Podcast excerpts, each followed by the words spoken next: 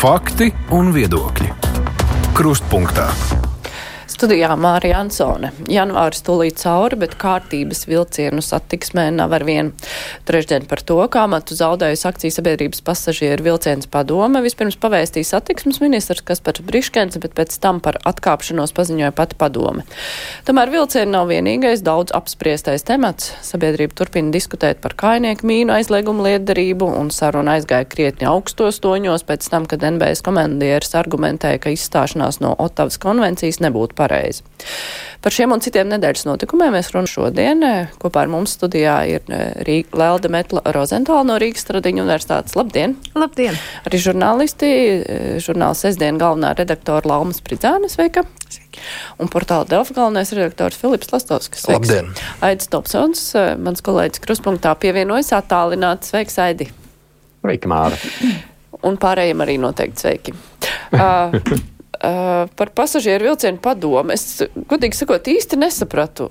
Viņi paši atkāpās, viņus piespieda atkāpties. Kas tur īsti notika? Jo pēc tā paziņojuma tur īsti nu, nešķita, ka viņi jūtas vainīgi par to, ka nu, tās, par to haosu vilcienu attieksmē, jo bija norādes uz visādām problēmām, uh, kuras viņas nevarot ietekmēt, tajā skaitā slikto dzelzceļa infrastruktūru teiktu, ka sajūta elpu pakausīnu, tad arī atkāpās paši, lai nesmukums būtu mazāks. Varbūt tā to varētu uh, īsi pateikt. Bet uh, nu, tur tās viņa atrunas man liekas tādas drusku smieklīgas, uh, ņemot vērā, ka tas iepirkums un tas viss, par ko ir runa šobrīd, tas jau nav kā, ne mēneša un pat ne gada jautājums, tas ir daudzu gadu jautājums.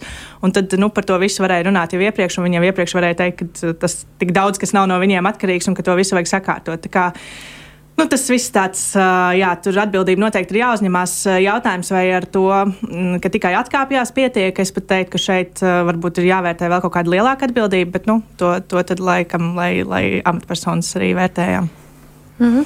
nu, man liekas, ka patiesībā jā, tas, kas notiek ar tiem vilcieniem, ir kaut kāda katastrofa. Jo, nu, ko mēs tādā gadījumā esam iepirkuši, kādiem laika, apstākļiem paredzētus vilcienus, kādā Vasaras kvalitātē. Jā, jo -hmm. nu, nu, nevar teikt, ja, ja sākumā likās, nu labi, nu, kā, tas ir normāli, kā mums skaidroja, ka teiksim, lielā tehnika, tur arī lauksaimniecības tehnika sākumā, kamēr iestrādājas, var saplīst, jā, tās ir tās sauktās bērnu slimības, bet nu, šobrīd tas jau ir kaut kas vienkārši, nu, liekas, šorīt arī es atkal paskatījos atkal kārtējo reizi vilcieni tika atcelti. Es vispār pat nu, domāju, ka es abrīnoju, kā tie cilvēki ir tik līdzsvaroti, kas brauc ar vilcieniem, kas tik ilgi tā salīdzinoši mierīgi to visu uh, piecieš. Es domāju, ka tur ir nu, jābūt arī jāsako tādai asai reakcijai. Es domāju, arī no satiksmes ministra puses man ir skaidrs, ka, protams, viņš varbūt nebija klātesošs pie tā, tā brīdī, kad tur komplektēja tos iepirkumus, nu, ja plānoja, kādi vilcieni būs. Bet nu, šobrīd nevar tā teikt, nu, nu, tas ir normāli. Nu, nu tā var būt. Nu, nu, nekas izliekamies, ka nekas nav. Nu, kā, tas, tas, tas nav pareizi. Tas, tas ir sākot ar tiem riteņiem, kurus nevar tur ielikt iekšā. Nu, brīnums, ka krēsli ir iekšā. Tad jāsaka, jo varbūt tur arī nebija tā politiskā lēmuma vai nē. Nu. Bet, bet runājot par šiem atkāpšanās iemesliem un uh, vispār amatpersonu atbildību, nu, kāpēc tieši padome, kāpēc nevalde? Uh, vai par to, ka viņi atkāpjas, jo viņi ir bezspēcīgi, vai par to, ko viņi nav izdarījuši. Jo Nu, arī, jo tas ir būtiski tā ziņā, ka, ja ir tas vaina par kaut kādām darbībām iepriekš, nu pats Briškens 22. gadā bija tajā pašā padomē. Viņš, viņam arī varbūt būtu iet par kaut kādiem senākiem grēkiem, tad arī viņam būtu jāatkāpj, jo ar tiem cilvēkiem mm -hmm. kopā viņš pats strādāja, Aidi. Nu, vispirms pats par sevi, nu, kā padomi jau ir šobrīd tā, tāda politiskā pārauga nu, nezinu, abas saiti, kā lai to nosauc. Jebkurā gadījumā ministrs jau savu politiku realizēja, vispār politiķi realizē caur padomēm. Tāds ir tas pašreizējais uzstādījums. Ministrs jau nevar atlaist valdi. Valdi var atlaist padome. Tas nozīmē, ka pirmkārt jau tā tad padome ir zaudējusi ministru uzticību. Tas tikai loģiski. Tur nebūtu stāsts tikai par ministru uzticību, acīm redzot, padome šobrīd zaudējusi arī sabiedrības uzticību.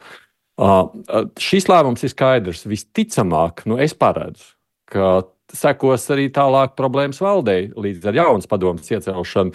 Šis ir vienkārši tāds likumsakrīgs ceļš, kā citādi iziet nevar. Protams, jautājums ir par to, par ko padomi atbild. Nu, es būtu mazliet droši vien nu, tādā ziņā piesardzīgs. Nu, tajā brīdī, kad es pieņemsim pēr, pērku mašīnu, vai es nezinu, nu, jebkurš no mums, mēs jau tajā mirklī izvēlamies pēc tā, ko pārdevējs piedāvā un ko viņš saka, ka šis strādās. Šajā reizē jau mēs redzam, ka tas, ko nu, pircējs ir pasūtījis, tas tādā veidā nedarbojas. Otrakārt, nu, tur ir, protams, problēmas arī ar Latvijas dzelzceļa infrastruktūru. Es jau saprotu, ka tur viena liela daļa no tiem vagoniem apstājas tieši tāpēc, ka pietrūkst tās, tā spēja. Nu, Es jau neesmu, kā, kā sauc to pantogrāfs, vai kā tas, kas savienojas ar vadiem, kurā brīdī tas kontakts pazūd, tad tā, tas vilciens vairs neiet uz priekšu. Tas, cik es dzirdēju no tehniskiem skaidrojumiem, no vienas puses šī te, katra jauna ražojuma pielāgošanās ir pašsaprotama, un tur ir kaut kādas problēmas. Bet tieši tāpēc jau tie vilcieni sākumā braukā bez pasažieriem. Un, ja mēs atceramies Skodas vagonkas, tie atvestie vagoni, viņi taču Rīgā nostāvēja cik ilgi? Kaut kas jau braukāja. Bet, bet, bet nu, jautājums ir tāds, kas tad tika pārbaudīts bez cilvēkiem? Nu, nedrīkst būt tā, ka tāda eksperimenta sāks ar cilvēkiem.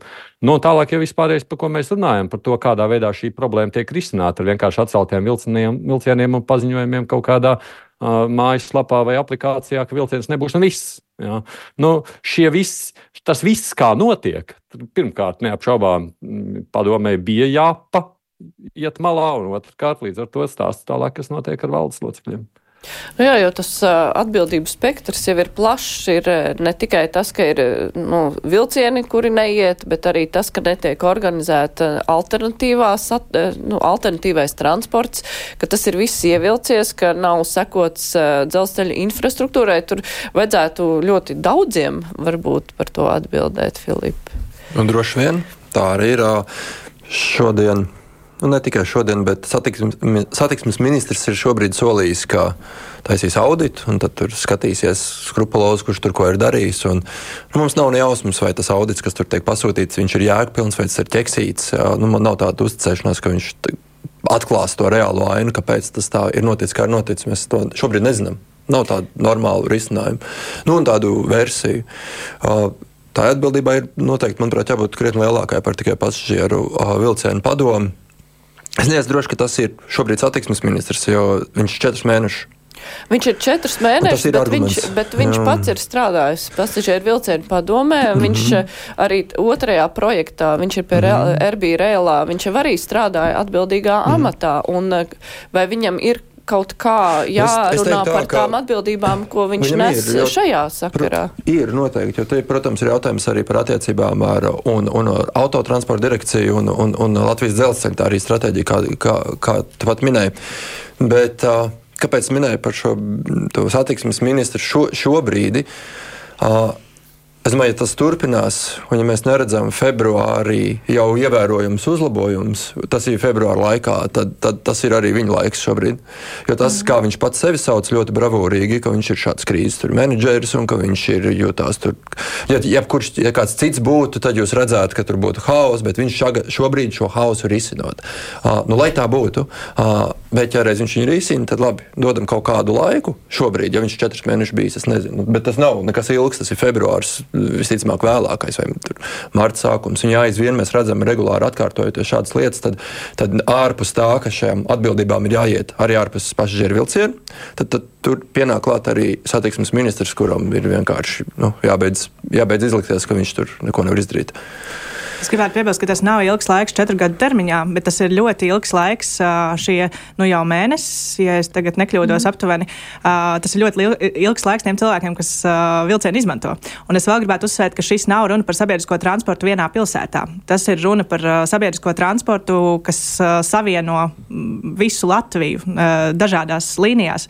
Tā kā es tomēr gribētu teikt, es atceros pēc pirmajām dienām, kad šīs problēmas bija, tad satiksmes ministrs bija taisnība tas, kurš nāca un teica, ka viss viss tiks atrisināts, ka viņš ir sasaucis sēdi, ka visi ir atbildējuši un ka tagad, pat ja netiek atrisināts šīs tehniskās problēmas tiem konkrētajiem vilcieniem, tad, nu, katrā gadījumā tiks izsnāts kaut kāds alternatīvs veids, kā cilvēkiem pārvietoties. Nekas no tā nav noticis, un tās problēmas ir tikai lielākas. Un, ja sākumā tur bija kaut kāda minūšu kavēšanās, tad nu, tur jau mēs tagad dzirdam, ka tās jau ir jau stundas un pat vispār atcelt vilcienu. Mm. Kā, nu, es neteiktu, ka tā atbildība ir maza vienalga, kuram gan izpildītājam, gan tam, kas kā, to visu pārvalda. Liela. Jautājums mm. ir, vai atbildība ir par to, ka atkāpties ministram pēc četru mēnešu perioda, vai tam ir jēgpilnība kaut kāda? Nē, es, es nesaku, Jā. ka obligāti jāatkāpjas. Es vienkārši par to, ka arī satiksmes ministram šeit atbildība ir liela. No, uh, no brīža, kad sākās šīs problēmas, ir pagājis jau gan ilgs laiks, lai tur kaut vai būtu paralēli autobusi ieviest. Es nezinu, nu, vienalga tas liekas tāds vienkāršākais risinājums, bet uh, tur noteikti ir vēl kaut kādi, vai tie paši vecie vagoni izmantot. Nu, nu, vienalga. Jo nosacīti tiem autobusiem, jo ja tie vilcieni tā saplīst tādos neparedzamās vietās, pēkšņi apstājās tur kaut kāda apledojuma dēļ, tad jau diezgan grūti tādā vietā X tur dabūt ātri autobusu, vai ne? Tāpēc skaidrs, ka tas diez vai tā, tāda ilūzija par to, ka mēs tur kaut ko vēl ar autobusiem varam atrisināt. Man liekas, nu, atkal runājot ar to nozares cilvēkiem, viņi teica,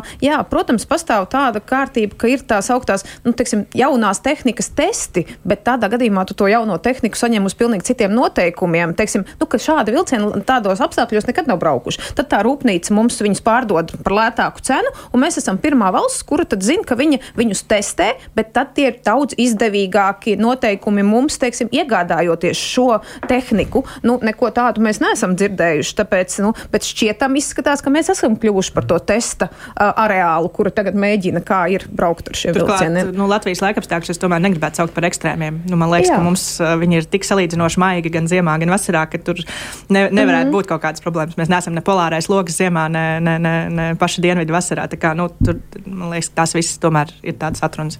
Aidi, bet kā tev šķiet, kurā brīdī tomēr tiks prasīta uh, valdībā arī Briškena atbildība, jo līdz šim nu, valdība ir ļoti tā saudzīgi viens pret otru izturējušies, bet uh, šajā gadījumā nu, sāks viņam klupt virsū, arī ņemot vērā viņa tās citas darba vietas, kuras ir saistītas tieši ar tiem problemātiskajiem uzņēmumiem.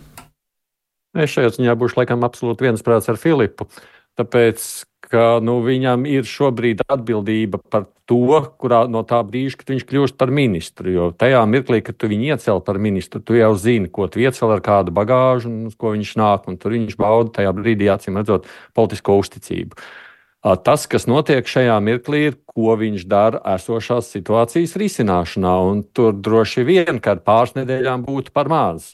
Tas, ta, ta, nu, šī nav tāda veida situācija manā skatījumā, bet es piekrītu, ka nu, jau tas laiks iet jau ne. Nu, jā, mēnesis jau tūlītās būs. Jā. Tas ir pārlieku, jau sāk likties par daudz. Uh, nu, es piekrītu, februāri gaidām, neredzu šobrīd uz sitienu, ka būtu pamats. Jo ko mums dos nākošais ministrs? Nu, vienalga, kur mēs ieliksim no malas. Ir skaidrs, ka mēs ieliksim kādu atkal no jauna, kurš mēģinās saprast situāciju.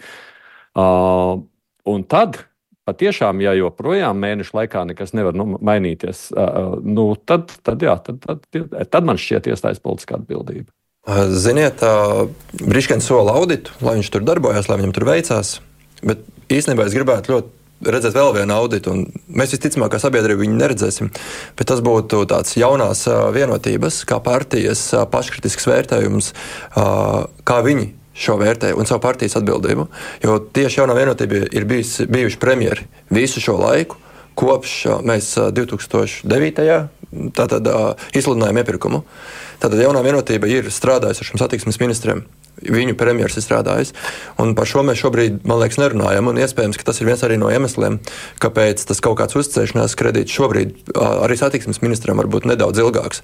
Jo ne jau to putru viņš ir viens ielicis politiskā līmenī, mēs domājam, tur ir gara vēsture, un, un tam virsmīca visam ir bijusi jaunā vienotība kā, kā valdība vadošā partija.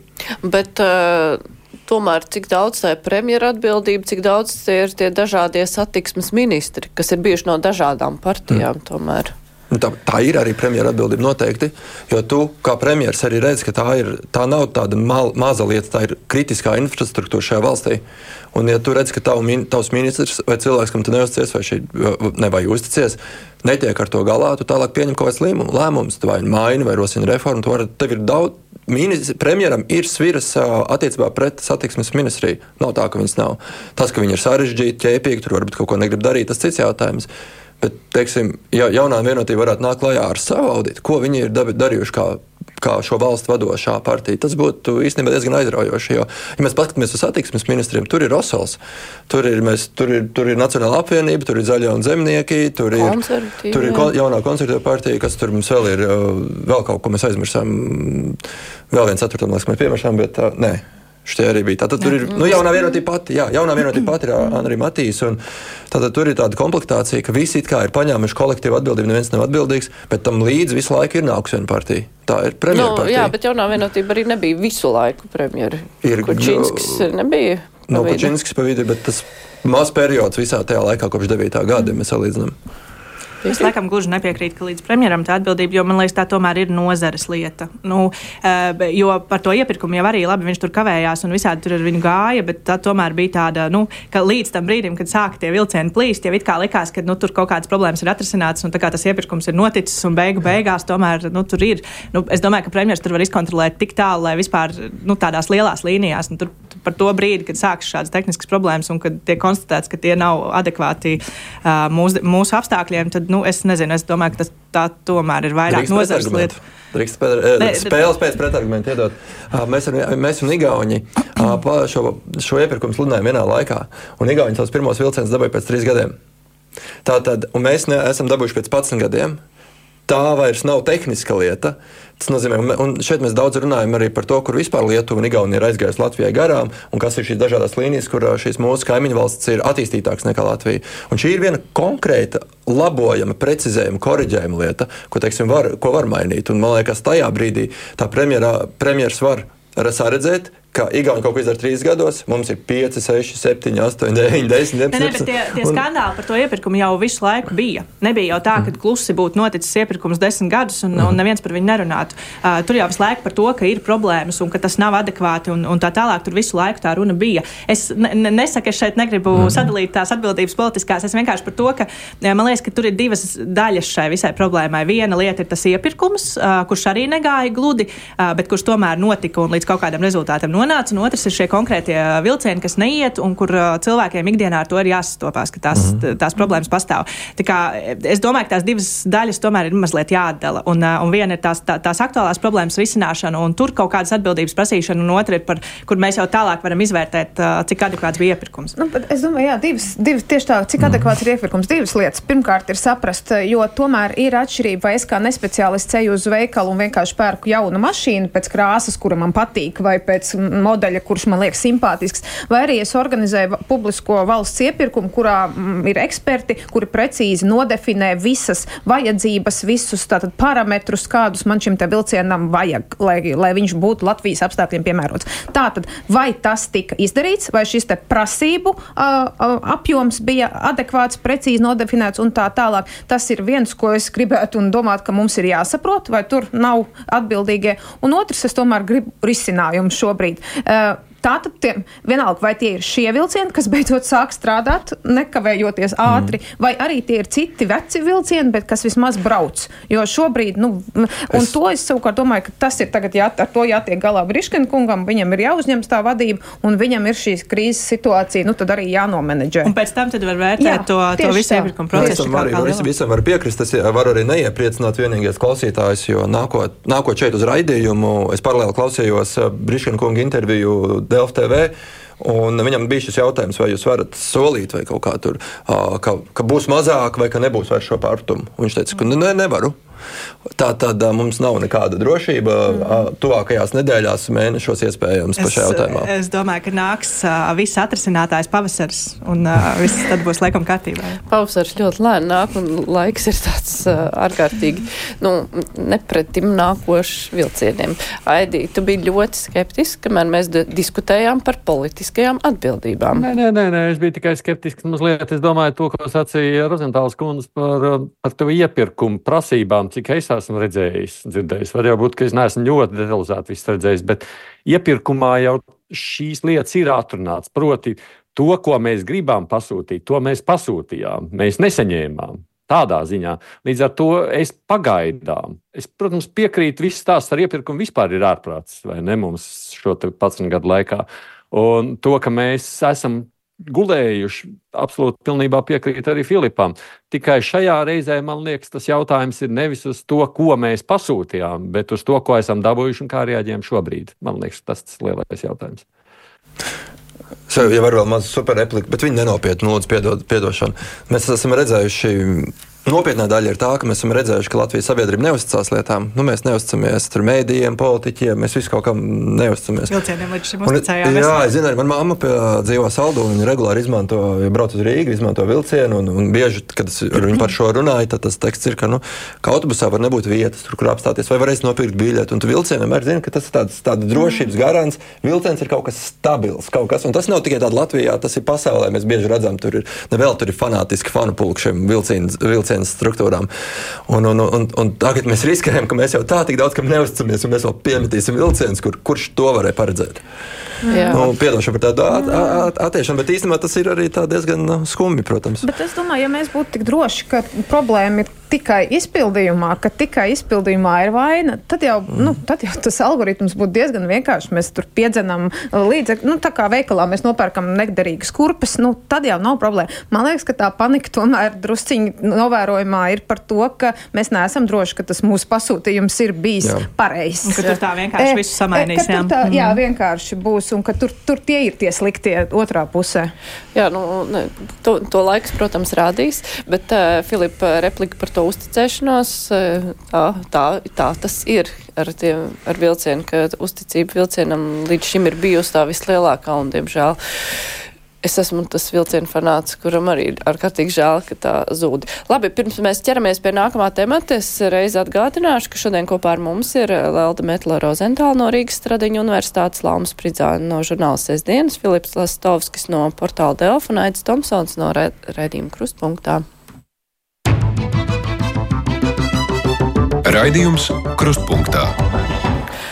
Par izstāšanos no Ottavas konvencijas. Mēs jau reiz te diskutējām, tad, kad sākās vispār tā diskusija par to, vajag vai nevajag kainieku mīnas aizliegt. Un mēs izteicāmies žurnālisti, būdami nespeciālisti, katrs pēc nu, savas saprašanas, nu, cik daudz mēs zinājām, kurš.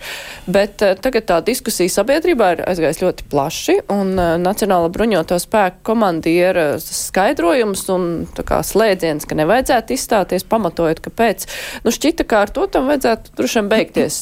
Tā teikt, eksperti ir runājuši, bet izrādījās, ka tas bija tā kā eļļa ugunī, un sākās tā diskusija vēl jo uh, trakāka, kaislīgāka, un uh, tur bija, redzēja versija, ka vai tik tur nav speciāli, nu, ka tagad, ja mēs līdz šim esam uzticējušies saviem bruņotajiem spēkiem, ka tas viss tiek kurināts, tāpēc, lai arī tagad viņiem mēs neusticētos. Tur var būt kaut kādas bažas, ka kādas tās diskusijas vienkārši vai nu bezatbildīgi vai apzināti provocē.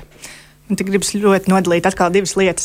Pirmā lieta ir par to mūsu aizsardzību un, un to, ko mēs varam, nevaram atļauties. Un, un, un tā, no tā skatījuma skatoties, tad, tad mums ir vienkārši jāatzīst, nu, no dažu politiķu izteikumiem tā sanāk, ka mēs nevaram atļauties neko dārgāku, ka tas ir lētākais un efektīvākais veids, ko mēs varētu likt. Un, un, un tad tā ir viena diskusija tieši par šo, šo pusi. Un otra diskusija savukārt ir par tieši šo Otavas līgumu. Un, un te man gribētos tā ļoti uzmanīgi uz to visu skatīties. Jo principā sanāk šobrīd tā, ka uh, kamēr mums tas uh, reāli nekā uz mums neatiecās, tikmēr mēs esam gatavi atbalstīt šādus uh, skaistus līgumus un viņiem pievienoties tajā brīdī, kad mums uh, sākas diskusijas un sākas runas par to, ka mums kaut kas no tā varētu būt arī pašiem jāizmanto. Tajā brīdī mēs vairs neesam gatavi šādam, uh, šādiem ētiskiem un, un, un, un skaistiem, skaistiem apsolījumiem. Līdz ar to uh, tas arī degradē šādu vispār starptautisku konvenciju jēgu. Un, uh, man liekas, ka arī no šī viedokļa tas ir ļoti, ļoti uzmanīgi jāvērtē. Uh, pie kāda tur secinājuma beigu, beigās nonāks, un, uh, un vai mēs tiešām stājamies ārā vai, vai, vai paliekam šajā līgumā, tas jau ir vēl nākamais jautājums. Bet šīs ir divas daļas, kuras man liekas, ir ļoti būtiski par viņām diskutēt atsevišķi. Jo viens ir tiešām šis, šī profesionālā sadaļa, kura eksperti var tikai izlemt, ko mēs varam, nevaram atļauties cik tas labi, slikti. Eh, vēl viena arī piezīme pie tā, es nezinu, kā, kā jūs, eh, man ir bijis. Eh, pēdējo mēnešu laikā man ir sanācis būt Ukrainā un braukt cauri šādiem mīnu laukiem. Es nenovēlu, lai Latvijā tādi būtu. Um, tāpēc arī no tāda viedokļa tas ir ļoti jāizvērtē. Tur to, to risku ir gana daudz, uh, lai es to skatītos no, no tiešām visiem aspektiem. Šajā gadījumā nedomājot tikai un vienīgi par aizsardzības līnijas mīnēšanu. Es domāju, ka tur ļoti, ļoti smalka tā diskusija patiesībā. Jautājums arī bija par to, vai tas, kā šī diskusija tika uzkurināta, vai tā tur var būt kaut kāds provokācijas vai bezatbildības elements. Es, es domāju, ka gan, gan, jā, noteikti tas tā ir. Un, nu, mums ir gan jāsaprot arī, ka tādā demokrātiskā brīvā valstī tas viss ir. Tas ir pieļaujams un iespējams. Un pieļaujams gan tādā mērā, kamēr tas mēs arī nekaitējam uz drošībai, kas attiecās uz šo provokācijām. Un, un, un, um, es arī dalīju to visu daļās, protams, jo viens ir šī saruna par uh, mm, saruna, kurā NBS skaidro, ka viņi uzskata, ka nevajadzētu. Un, un, un, Un tālāk tā reakcija, kur cilvēkiem var būt viedokļi, tur ir eksperti, kas ir komunicējuši, kur tiešām ir eksperti pēc savas būtības. Mēs redzējām, Varbungu, Varbungu bloga autoru un Mētiņu Vērdiņu izvērst pamatot arī kritiku. Un, um, mēs redzējām arī daudz anonīmus troļus. Tas ir nošķir, nošķirams lietas kaut kādas. Tā kā, nu, es domāju, ka mums arī kā cilvēkiem bieži, tad, kad notiek hokeja čempionāts pavasarī, tad mēs zinām, kā labāk, zinām, kā labāk trenerim rīkoties. Mēs, tad, kad Covid-19 ir, tad mēs zinām, kad mēs kļūstam par infektologiem. Es domāju, ka mēs tikko pus Latvijas gandrīz kļuvām par militāriem ekspertiem, kuri zina, kas ir tās kainieka mīnas, tādas, ko viņas var nodarīt, kas viņas ir, kāpēc ir ieguvumi un kāpēc ir zaudējumi. Un tas tā dabiski, un es nedomāju, ka tas ir arī obligāti jānosoda. Mums vienkārši ir viedokļi. Tas tā ir forši. Bet cik tālu tas ir kampaņveidīgi, ja ir tāds risks, tad tas ir bīstami. Es arī redzēju visādus apšaubāmus Twitter kontus, protams, un viedokļus par to, ka, kas mēģināja savilkt kopā to, ka Leonīds Kalniņš ir, ir dienējis padomju armijā, un, un tātad šis te viņam tur bijuši, viņš tur ir devis zvērus šai armijai, un ka tagad kā mēs varam uzticēties tam, ka viņš ir tas zvērus, kas ir dots mūsu armijai. Nu, tas, lūk, man liekas vienkārši pilnīgs idiotisms kopumā nu, tās, šāda kampaņa, kurināt šo kampaņu, šo argumentāciju pret šo. Pret šādu argumentu, tas pat nav arguments. Tas ir tāda nu, kaut kāda pateikta lieta, ka, lūk, Un tad jau īstenībā es nezinu, pusi Latvijas vīriešu, tur pusi Latvijas vīriešu ne, bet nu, liela daļa, kas ir, kas ir dienējuši, viņi jau iet līdzīgi. Un tas ir tāds nu, stipri jocīgs un man liekas, ka bīstams ceļš, kurā iet, ka tagad mēģināt diskreditēt Latvijas armiju. Vajag diskutēt viņu, bet tas brīdis, kurā mēs viņu, cik tālu mēs viņu diskreditējam, viņš ir neumalīgs. Un, nu, tas publiskajā telpā es redzu tādus viedokļus, par kuriem man nav drošība, ka, uh, ka tas ir. Uh, tā nevainīgas viedokļu paušana. Šie paši cilvēki ir tie, kas gāna visus Latvijas politiķus pēc kārtas, vienalga pamatot, nepamatot, kas, eh, kas, neuzce, kas tos mēdījiem vairo neuzticēšanos, un tagad paņem komplektā arī uh, armiju. Un tas jau veido tādu īstenībā konsekventu profilu par, par cilvēkiem, kas veido Latvijas tēlu kā par neizdevušos valsti, kā failed state, tādu narratīvu. Viņiem tas tā patīk argumentēt, ka nu, Tur taču viss ir skaidrs. Mēs esam Feldsteina, tas tur tā mēdīja pērkami. Valdība nejēdzīga, tagad ir armija arī nejēdzīga. Nu, tas, man liekas, liek uzmanīgi lasīt šādus ierakstus un, godīgi sakot, tiešām jāpārvērtē, kāda ir šo cilvēku nolūka. Šajā dar. gadījumā gan tur arī daži politiķi ir tādi, kas nu, šajā profilā gluži neierakstās. Es teiktu, ka nu, tur nav tik viennozīmīgi. Nu, tas tās diskusijas tikai runāja jā, jā, par, nu, par, par anonīmajiem. Jā. Jā, primāri. es domāju, ka šeit arī ir jāatcerās par Eiropas parlamentu vēlēšanām un vispār par nu, tādu savu kā partijas vai politiķa politiskās popularitātes uzturēšanu. Ne tikai šeit es nedomāju, ka tas ir obligāti kaut kādā sliktā kontekstā, bet, protams, šīs te jūtīgās tēmas, par kurām sabiedrībai ir interese, ir veids, kā, nu, kā ar caur kurām tu komunicē ar savu vēlētāju. Un, piemēram, nu, kaut vai Kolkungs, kurš ir iesaistījies šajā debatē kā viens no viedokļu paudējiem. aizsardzības ministrs. Jā, arī. tieši tāpat ar, arī. Mm. Un tad mēs redzam, ka viņi kandidē uz uh, Eiropas parlamentu, un, protams, ka tas ir veids, kā tu savu, sava vēlētāja acīs iezīmē kaut kādu savu pozīciju vai vismaz izsaki savu viedokli. Un, protams, nu, debatas demokrātiskā valstī nav aizliegtas, un viņas pat ir bieži vien mm. vēlama lieta, lai sabiedrība varbūt var saprast vai kā. Tāpēc no tāda pragmatiskā viedokļa, protams, skatoties, liekas, ka, nu, ja bruņoto spēku augstākā vadība pasaka, nu, tad varam noslēgt šo diskusiju. Nu, kurš gan labāk par viņiem zina? Nu, tas tā kā mēs ieteiktu ķirurgam kādu viņam vajag aprīkojumu labāk, lai gan nu, viņš jau saprot, kādu viņam to aprīkojumu vajag. Bet, nu, ja mēs uh, sakam, ka tomēr viedokļu dažādību nedrīkst apspiest demokrātijā un ir jāizdiskutē, nu, tad, tad, tad, tad tas arī notiek. Plus šis te politiskās, jā, savas pop. Tur ir diezgan droši teikt, ka ir atsevišķi politiķi, kur izmanto to šo vienkārši. Tā tēma ir karsta, karsta tēma ir izdevīga. Labi, tā tad. Es pie šī vēl gribētu piemest, ka arī sabiedriskajā mēdījā pirms, es domāju, divas dienas pēc kārtas vai, vai vienā vakarā raidījumā bija tā, ka ir, ir sižets par to, ka Nacionālā apvienība ir iesniegusi atsevišķu sižets, ka Nacionālā apvienība ir iesniegusi savu sarakstu, un pēc tam ir šīs dienas jautājumā arī diskusija ar mūrnieci. Nu, tad, tad te bišķiņi arī būtu, man liekas, jau jāsāk vērtēt par to, cik do, daudz mēs dodam šīs, šo platformu un šo mikrofonu cilvēkiem, kas kandidē un piedalās vēlēšanās. Jā, bet lai arī tā teikt, armijas profesionāļi izsaka savu viedokli, lēmumu, jebkurā gadījumā pieņems politiķi par izstāšanos vai iestāšanos lemj saima gal galā. Aidi, kā tev šķiet, vai šis temats, nu, tā teikt, politiķu acīs ir joprojām cilājams, vai varbūt to var ie, ievirzīt tādā, nu, plašākā gultnē, piemēram, spriežot par, nu, to, kā varētu veidot Baltijas valstu vienoto aizsardzības līniju, nu, teiksim, jau apspriežot plašāk.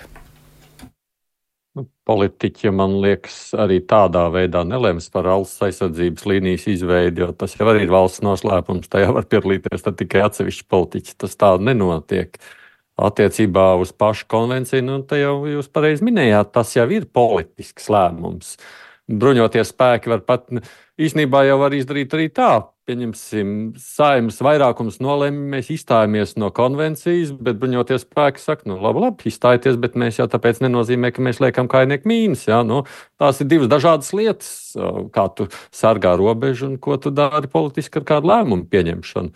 Nu, tik daudz, ka man šķiet, šobrīd jau arī cik tajā publiskajā telpā redzams, nu, tā jau pamatā ir tomēr opozīcija partija.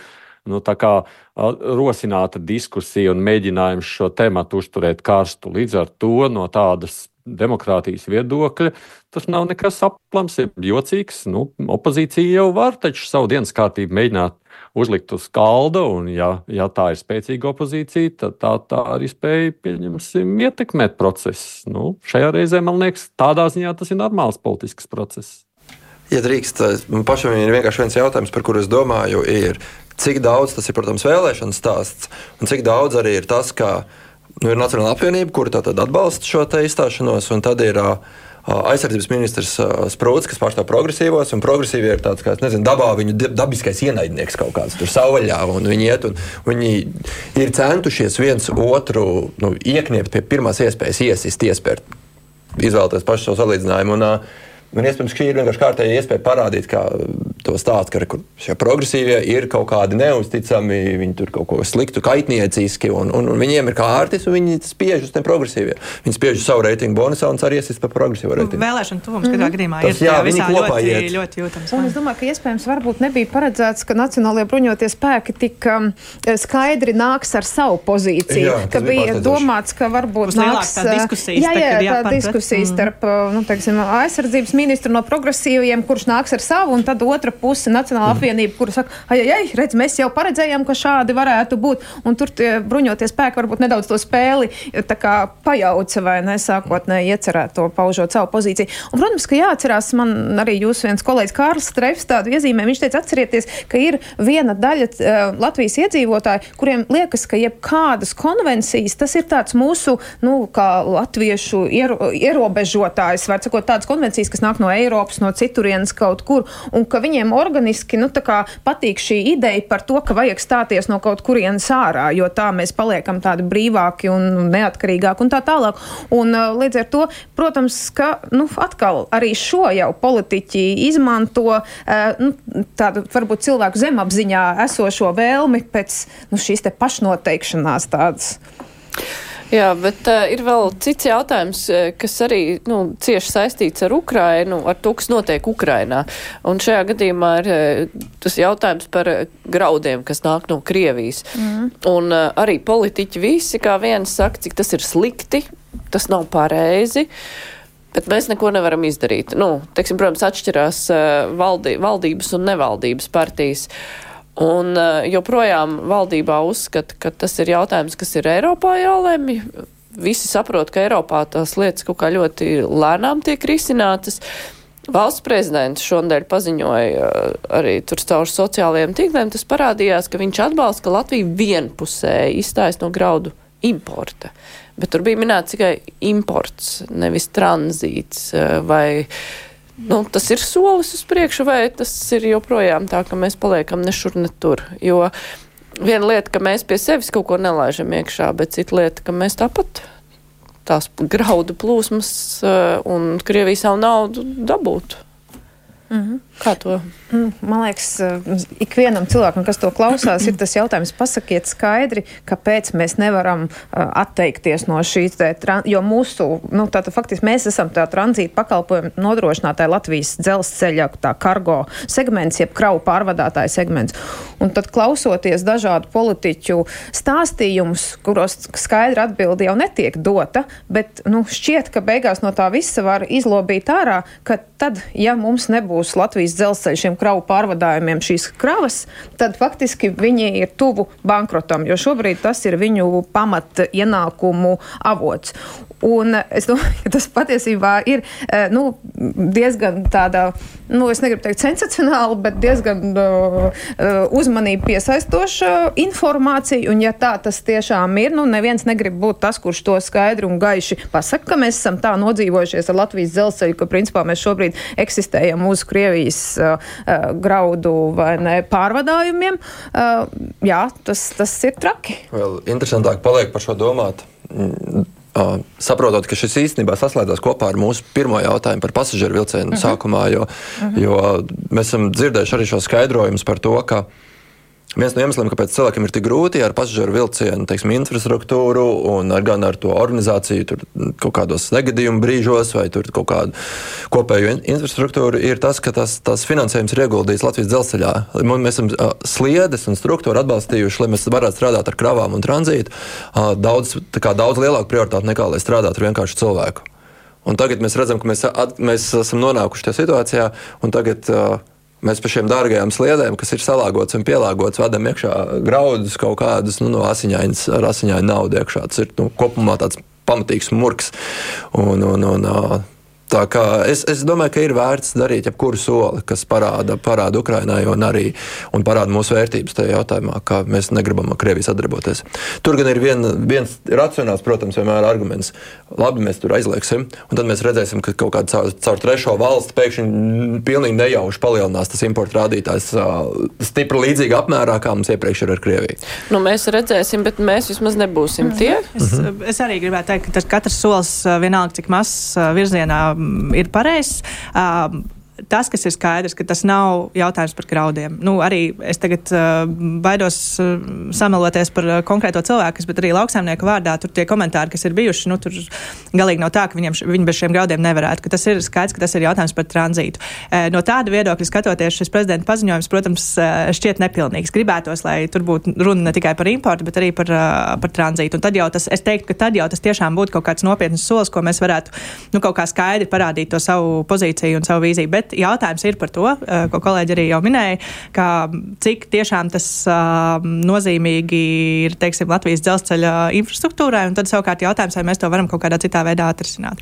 Nu jā, bet tur jau tās, eh, tā nauda, eh, kas tiek zaudēta, salīdzinoši jau nav tik liela. Nu, tur tā lieta, it kā šķiet, no malas raugoties, šķiet, ka tur viss ir atrisināms un ka nekas nav, nu, tā problēma nav tik liela, lai mēs turpinātu.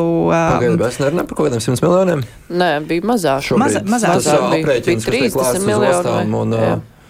Es eh, no galas nespekulēju, bet man, man liekas, ka tur bija pārdesmit Jā, miljoni. arī vairāk. šķiet, ka precizēsim kaut ko Jā, tā tie būtu jāprecizē. jā. Tā, tā, tā summa būtu jāprecizē jebkurā gadījumā.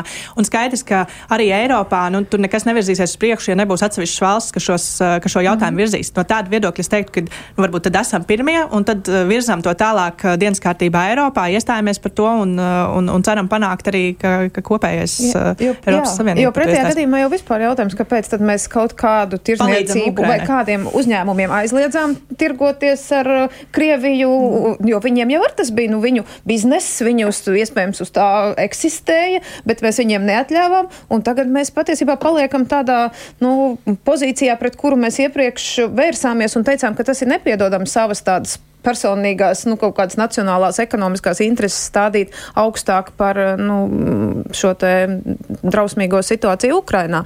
Līdz ar to tas, nu, šeit ir tas jautājums, kas notika, kas tur ir apakšā, kāpēc mēs pēkšņi tādu pašsaprotamu lietu it kā nevaram izdarīt līdz galam. Kāpēc? Un, vienlaiks tā, protams, ir divkosība arī tajā ziņā, mm -hmm. ka mēs ar vienu roku palīdzam un ar otru mm -hmm. savukārt uh, dodam naudu Krievijai, vienalga par ko, tad, nu, mm -hmm. tad, tad, tad tas arī. Es gribēju vienkārši precizēt, lai mēs neatstājam klausītājs neziņā, ko mēs zinām zinām vai nezinām. Un, uh, te bija, ka CSP dati liecina, ka avots LSM ir tā kā es te sabiedriskajā mēdījā atsaukšos uz jums.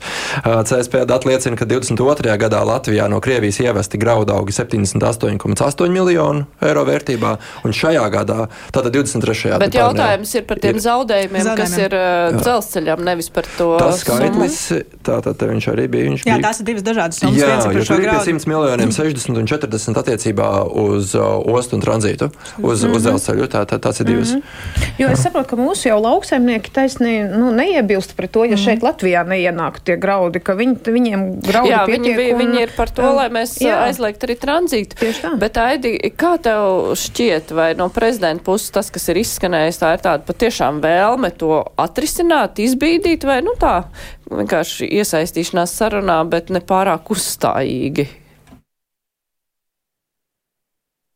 Es jau gribētu, ka mēs varam izdarīt lielāku spiedienu uz valdību. Es saprotu, protams, tos ekonomiskos aprēķinus. Nē, nu patiesībā, ja būsim godīgi, Latvijas dzelzceļš jau pastāv tikai tāpēc, ka mums, mums jau ir savienojums tikai realitātē starp Baltkrieviju un Krieviju. Nu, un tad ir arī Igaunija un Lietuva. Bet ko nozīmē Igaunija un Lietuva? Nu, tā ir tāda savstarpēja apmaiņa, kas mums ir nepieciešams. Varbūt ar Lietuvu mazliet vairāk iespējams. Es pieļauju no, no tās rūpnīcas dēļ. Bet, uh, Bet visādi citādi, nu, realitātē, protams, ka mēs graujam nost šajā ziņā, un ostas tajā skaitā viņu biznesu. Bet man šķiet, nu, man liekas, ka ir pienācis jau kādu laiku tas brīdis, kad mēs esam sapratuši, ka ka mums šo biznesu vispār nevajag. Mums nevajag nekāda veida biznesu ar Krieviju. Punkts. Es neredzu tur nevienu argumentu. Es jau esmu, man, es, man liekas, atkārtojies jau daudzkārt. Es arī ar medikamentiem neredzu šajā jēgā nekādu biznesu. Es vispār neredzu šajā mirklī. Līdz ar to mēs aizslēgsim durvis, jā, būs sāpīgi. Protams, ka mums būs sāpīgi. Visticamāk, arī mēs droši vien par vilcienu biļetēm, kuras tiem vilcieniem nebrauc, maksāsim dārgāk, jo skaidrs, ka tās liežu uzturēšana arī maksā bet tajā pašā laikā. Nu, Pēc sāpīgā ceļa mēs atradīsim veidu, kur citur strādāt un kā citādi lietas darīt. Man, man, man vienkārši tīri morāli šķiet nepieņemama esošā situācija, un jo mēs vairāk varam izdarīt spiedienu uz politiķiem, ka viņi to pieņem kā beidzot saprotamu realitāti, jo labāk. Nu jā, un turklāt runājot par eh, šiem zaudējumiem, eh, ir jau arī bijušas ziņas no vietējiem zemniekiem, kuriem savukārt, tāpēc, ka nāca tie Krievijas graudi iekšā, viņi nevarēja tikt eh, ostās ar saviem graudiem, un tas arī, un kā arī dabūt vagonus saviem graudiem, arī tādas ziņas LSMā bija mm. tieši ražas laikā, tā kā tur kaut kādu kompensēšana jau tāpat būtu. Nu, es ar... teiktu, ka vis, no visas šīs diskusijas kopā ir secinājums viens, dzelzceļš ir tāds liels sāpju bērns visā visās nozīmēs, un acīm redzot, tur uh, pamatīgāk tam visam jāķers klāt un, un jādomā kā to visu attīstīt un ko ar to darīt. Jā, bet uh, par ekonomiskajiem ieguvumiem un zaudējumiem uh, atkal atgriežamies pagājušajā nedēļā jau pie runātā braucienu uz Ķīnu, kur arī tika skaidrots, kā tika veidot ekonomiskie sakari ar Ķīnu. Un uh, te jau arī tika iezīmēts, ka Ķīna, jā, labprāt veido visur ekonomiskos sakarus un sāk turēt īsā pavadā atsevišķas nozares līdz ar to. Um, bet pieminētā Nacionālā apvienība, kuras deputāts Aleksandrs Kirstēns bija aizbraucis arī kopā ar visiem, kopā ar Aināšu Lesera un stabilitātes, eh, Aināšu Lesera partiju un stabilitātei deputātiem. Tomēr ir no partijas vai no aizgājis vai izraidīts, tas arī netika precizēts. Uz apusējas vienošanās pamatā. At, ap, acīm redzot, jā. Tad uh, tomēr Nacionālajai apvienībai šie ekonomiskie sakari ar Ķīnu uh, varētu ne, nešķist labi gaidāmo vēlēšanu kontekstā, vai kā to saprast? Es nezinu, kopumā jau Kirsteins viņam ir problēma, problēmas radījis gadiem ilgi, un iespējams, ka šis arī bija tāds kaut kāds visiem loģisks solis, kā izbeigt šo.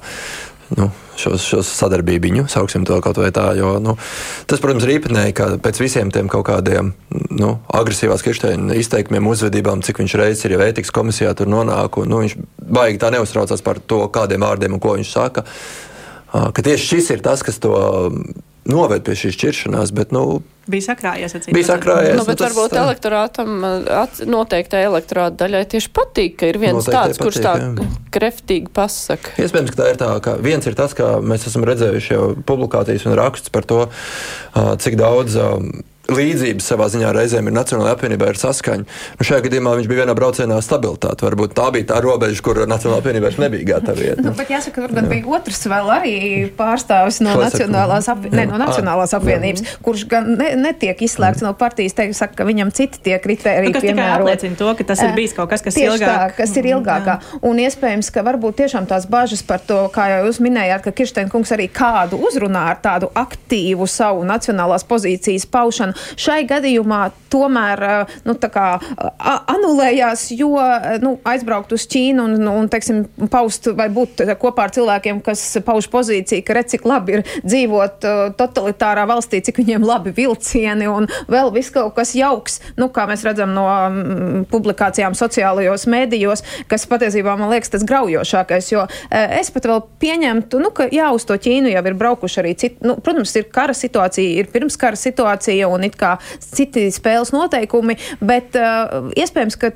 nu, tas brauciens jau pats par sevi mēs ar Ķīnu sakars neesam pārtraukuši, un iespējams ar kaut kādiem atrunām un nosacījumiem viņš jau arī varētu varbūt būt noticis, kā mēs arī klausījāmies no saimnes priekšsēdētājas teiktā, bet es domāju, ka pilnīgi nepieņemam ir jā, šie sajūsminātie vēstījumi par lielisko laimīgo dzīvi uh, Ķīnā. Nu, tas man liekas, jūs taču saprotiet, kur jūs esat aizbraukuši un ko jūs tagad mums sakiet. Nu, tad mēs arī varbūt varam atgriezties tādā gadījumā pie totalitārā režīma Krievijas sastāvā un arī tā laimīgi dzīvot kā Ķīna. Nu, nu, varbūt tas, tas saistīts dīvaini. vienkārši ar tiem konkrētiem politiķiem, kas arī to publicitāti radīja visvairāk. Nu, mēs redzējām arī Šleseru. Nu, Viņš visu kaut ko dara, un iespējams viņš reizēm nu, nepadomā, varbūt šādās kategorijās, vai viņš kaut kā cilvēks nedomā. Nu, šādās kategorijās. Līdz ar to viņš tur redz kaut kādas ekonomikas skaitļus, un ko jūs man te māžojaties. Tur vienkārši pietrūkst izglītības konkrētā tematikā. Un, Nu, tāds, tādi mums ir šie politiķi, tādi viņi tur darbojās. Nu, Tie jau skaidrs, ka ministrija darbinieki kopā ar uzņēmējiem ir jau gadiem braukuši uz Ķīnu. Tas nav tas, ka viņš tur aizbrauc.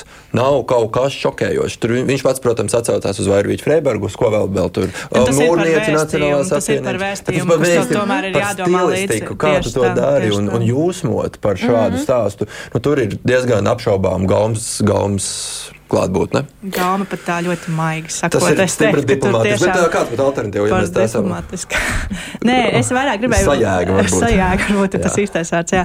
Nē, es vairāk gribēju teikt, ka laikam no visu šī stāsta, nu, man tā kā tādas divas, divas lietas palika. Pirmā par to, ka nekas nav mainījies deputātiem, acīm redzot, joprojām gribas braukt bez maksas uz eksotiskām valstīm, un acīm redzot, viņi par savu algu to nevar atļauties. Tā mazliet ironizējot. Un, un tā otra otrā daļa, kas man liekas laikam interesantāk, ir par to, um, kā, kur Kirsteins paliks un uh, kādam politiskiem spēkam viņš uh, pieslēsies. Un, uh, un kā tas mainīs varbūt kaut kādu arī uh, elektorātu sadalījumu, tāpēc, ka man liekas, ka viņš tomēr ir tāds. Uh, vai nu viņu ļoti atbalsta, vai nu taisnība otrādi, ka viņš kaut kur tādus galējos viedokļus ap sevi pulcē, līdz ar to tas būs interesanti. Jā, nākamajās vēlēšanās, ja viņš balotēsies, tad pie kāda spēka viņš būs. Bet es vēl vienu lietu gribēju piebilst par, par Latviju pirmajā vietā partiju. Es nedomāju, ka tur tā gluži viņi tā neapzināti vai nesaprātīgi ir tos savus vēstījumus veidojuši. Es domāju, tur ir tāda interesanta transformācija, ka pirms tam, nu, pirms kara, iebruka Krievijas kara Ukrainā, tas tas, tas tā laimes zeme, vai ne laimes zeme, bet tas, kur mēs varētu ekonomiski attīstīties, ļoti ilgu laiku bija Krievija. Tā tad viena lielvalsts. Nu, tagad pēc kara bija skaidrs, ka Krievija noņemās no dienas kārtības, to saprata arī vai ne Latvija pirmajā vietā, kaut kas jāatrod vietā.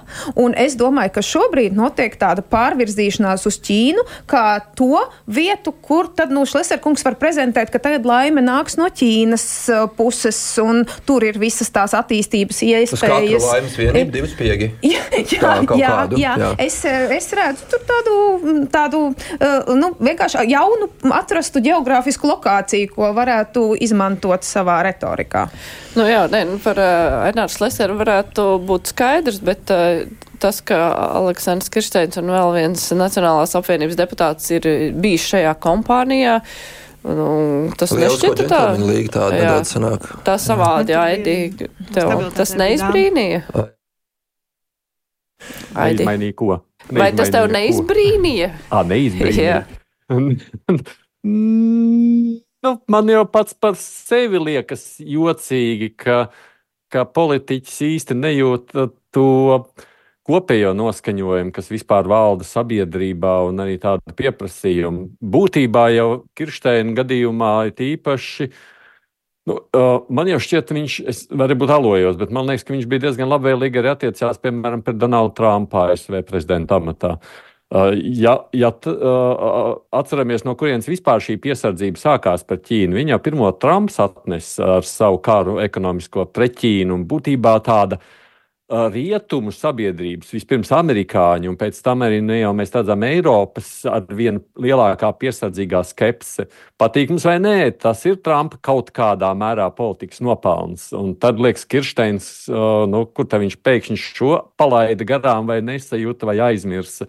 Nu, protams, visi tie aspekti, jau, ko man kolēģi arī minēja, tur jau ir daudz. Bet es neesmu tas, kurš baigi aktīvi seko Kirsteina kunga aktivitātēm līdzi. Man viņš nav licies tas interesantākais nu, politisko viedokļu paudējs. Bet uh, es atceros, ka pirms vēlēšanām, tā, kad tev bija intervija ar partijas vadītāju Raivu Dzintaru, tu vaicāji par uh, Aleksandru Kirsteinu, nu, jo viņš šad un tad pasaka kaut ko tādu ļoti radikālu. Un, uh, jā, nu, tur tā, bija tā atbilde, tā kopumā kopumā novērtējumu, nu, jā, nu, katram deputātam var būt savs viedoklis, jā. Šajā gadījumā, kāpēc partija nepiedeva to visu? Nē, nu ir skaidrs, ka šis arī aizgāja ļoti skaļi. Ja tu sēžot tavā krēslā, labi atminies, vismaz es tur, kamēr katru dienu vādu, man gan viss brīvais mikrofons aizgāja par Ķīnu pagājušajā nedēļā. Ļaudis ļoti uzcepās par šo ziņu. Un, uh, lai nu ko, bet Nacionāla apvienība man šķiet visasāk reaģē uz to, kas, pieņemsim, notiek Twitterī vai tādos uh, sabiedriskajos, uh, nu, nezinu, publiskajos procesos. Un šis viņiem nebija ne, nepavisam patīkami. Viņi ir gatavi norīt diezgan daudz. Mēs redzam, cik, cik viņi bija spējīgi, pieņemsim, norīt visu stāstu ap ogru un avenu. Bet nu, kaut kādā brīdī jau arī šeit tas vads lūst. Viņi nevar to pilnībā ignorēt. Viņi jau paši īstenībā cenšas ļoti aktīvi ietekmēt, pieņemsim, domu sociālos tīklos. Viņiem jau ir jāatspēlējas pašiem atpakaļ. Nu jā, nu skatīsimies, vai tad Ķīnas stāsts eh, vēl būs izvēršams vai nebūs. Varbūt šodien. Es, ja, ja jā, jā. Visam īsti piezīme, es gribēju pateikt, ka tas, ko Aits pieminēja par uh, ogres piemēru, ir ļoti labs rādītājs tam, ka tas ir par iekšējām lietām. Jo tur, kur bija liels skandāls ogrē, tur viss bija kārtībā un uh, vienkārši gaidīja, kamēr noklusīs un kamēr sabiedrība beigs viļņoties. Uh, šeit, uh, kur acīm redzot, bija biedrs, ar kuru tā jau tāpat rīvējās attiecības, tad nu, bija iemesls uh, no viņa atvadīties. Nu jā, bet patiesībā jāsaka, ka Nacionālās apvienības laikam, nu, es nezinu, kas tur, kas, kas pieņem tos lēmumus, kur, kuri brauks politiķi vai nebrauks kaut kā palaid garām šo braucienu, jo mēs redzam ZZS ļoti labi. Sākumā kādreiz ZZS politiķi arī bija dzimusi doma pievienoties nu, jā, šim nu, braucienam. Mēs nezinām, kā tas tika jā, saskaņots jā. jā, labi, es saku paldies Lelda Metala Rozentālai, Filips Lastovskis, Aidis Nomsons un uh, Laumas Pridzāne no uh, sestdienas šodien bija kopā ar mums. Uh, jā par pirmdienu mums būs vēsturniece, vēsturniece Una Bergmane. Uh, studijā runāsim par dažādām vēstures paralēlēm. Raidījums, kurš man tā izskan, producenti ievzēja studijā Mārija Ansone.